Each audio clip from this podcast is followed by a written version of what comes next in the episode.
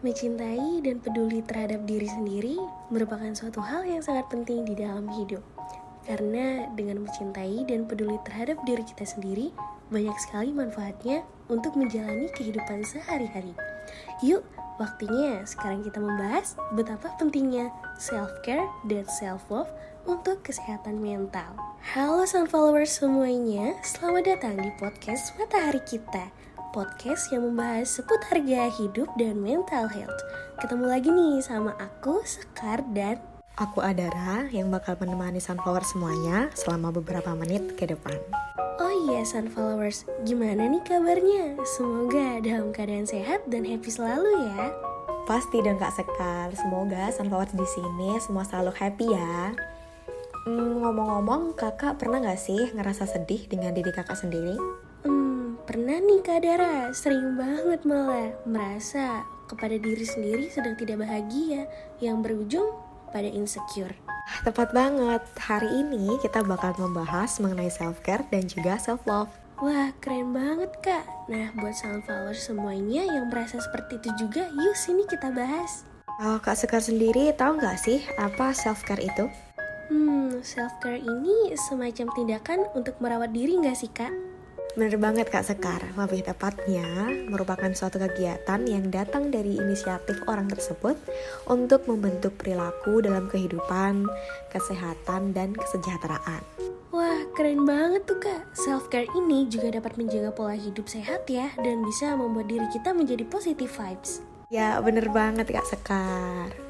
Self-care dapat diterapkan oleh siapa saja di setiap individunya loh, yang didasari oleh inisiatif untuk dapat hidup menjadi lebih baik dan menjadi bahagia. Dari pengertiannya aja udah keren banget gak sih Kak? Dan udah kelihatan nih manfaatnya untuk hidup kita. Manfaat dari menerapkan self-care itu apa sih Kak Dara? Manfaat pertama dari menerapkan self-care itu adalah membuat hidup kita menjadi lebih tertata. Bener banget nih Kak Dara, dengan menerapkan self-care dalam diri kita itu dapat membuat hidup menjadi lebih tertata karena kepedulian diri kita terhadap diri sendiri. Yang kedua, manfaatnya adalah bisa menjadi pribadi yang memiliki positive vibes. Memang siapa sih yang gak suka menjadi orang yang memiliki positive vibes? Membawa pengaruh baik untuk sekitarnya. Dan yang ketiga, hidup kita bisa menjadi lebih bahagia. Setuju banget Kak Sekar, dengan kita peduli terhadap diri sendiri, tentu saja itu akan membuat kita menjadi lebih bahagia dalam menjalani hidup. Keren banget ya manfaat self-care ini. Oh iya, contoh penerapan self-care pada diri sendiri Sunfollowers udah pada tahu belum nih? Sini-sini ada kasih contoh penerapan self-care yang bisa Sunflowers terapin dalam hidup. Pertama, konsumsi makanan yang bergizi dan seimbang.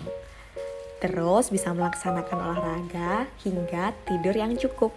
Nah, selanjutnya mengerjakan hal-hal yang bermanfaat, menjaga kebersihan diri, dan menjalin komunikasi yang baik dengan orang banyak. Nah, itu tadi hal-hal mengenai self-care yang bisa Sunflowers terapkan dalam kehidupan sehari-hari. Keren banget ya Kak Dara, aku jadi semangat nih buat self-care agar bisa menjadi pribadi yang baik dan bahagia dalam menjalani kehidupan sehari-hari. Oke Kak Sekar, nah setelah kita membahas self-care, selanjutnya kita akan bahas tentang apa ya Kak? Hmm, kalau tadi kita sudah membahas tentang self-care, gimana kalau selanjutnya tentang self-love? Betul sekali, setelah membahas terkait self-care, selanjutnya kita akan membahas tentang self-love. Self-love atau mencintai diri sendiri. Mengutip dari Brain and Behavior Research Foundation, self-love berarti apresiasi pada diri sendiri.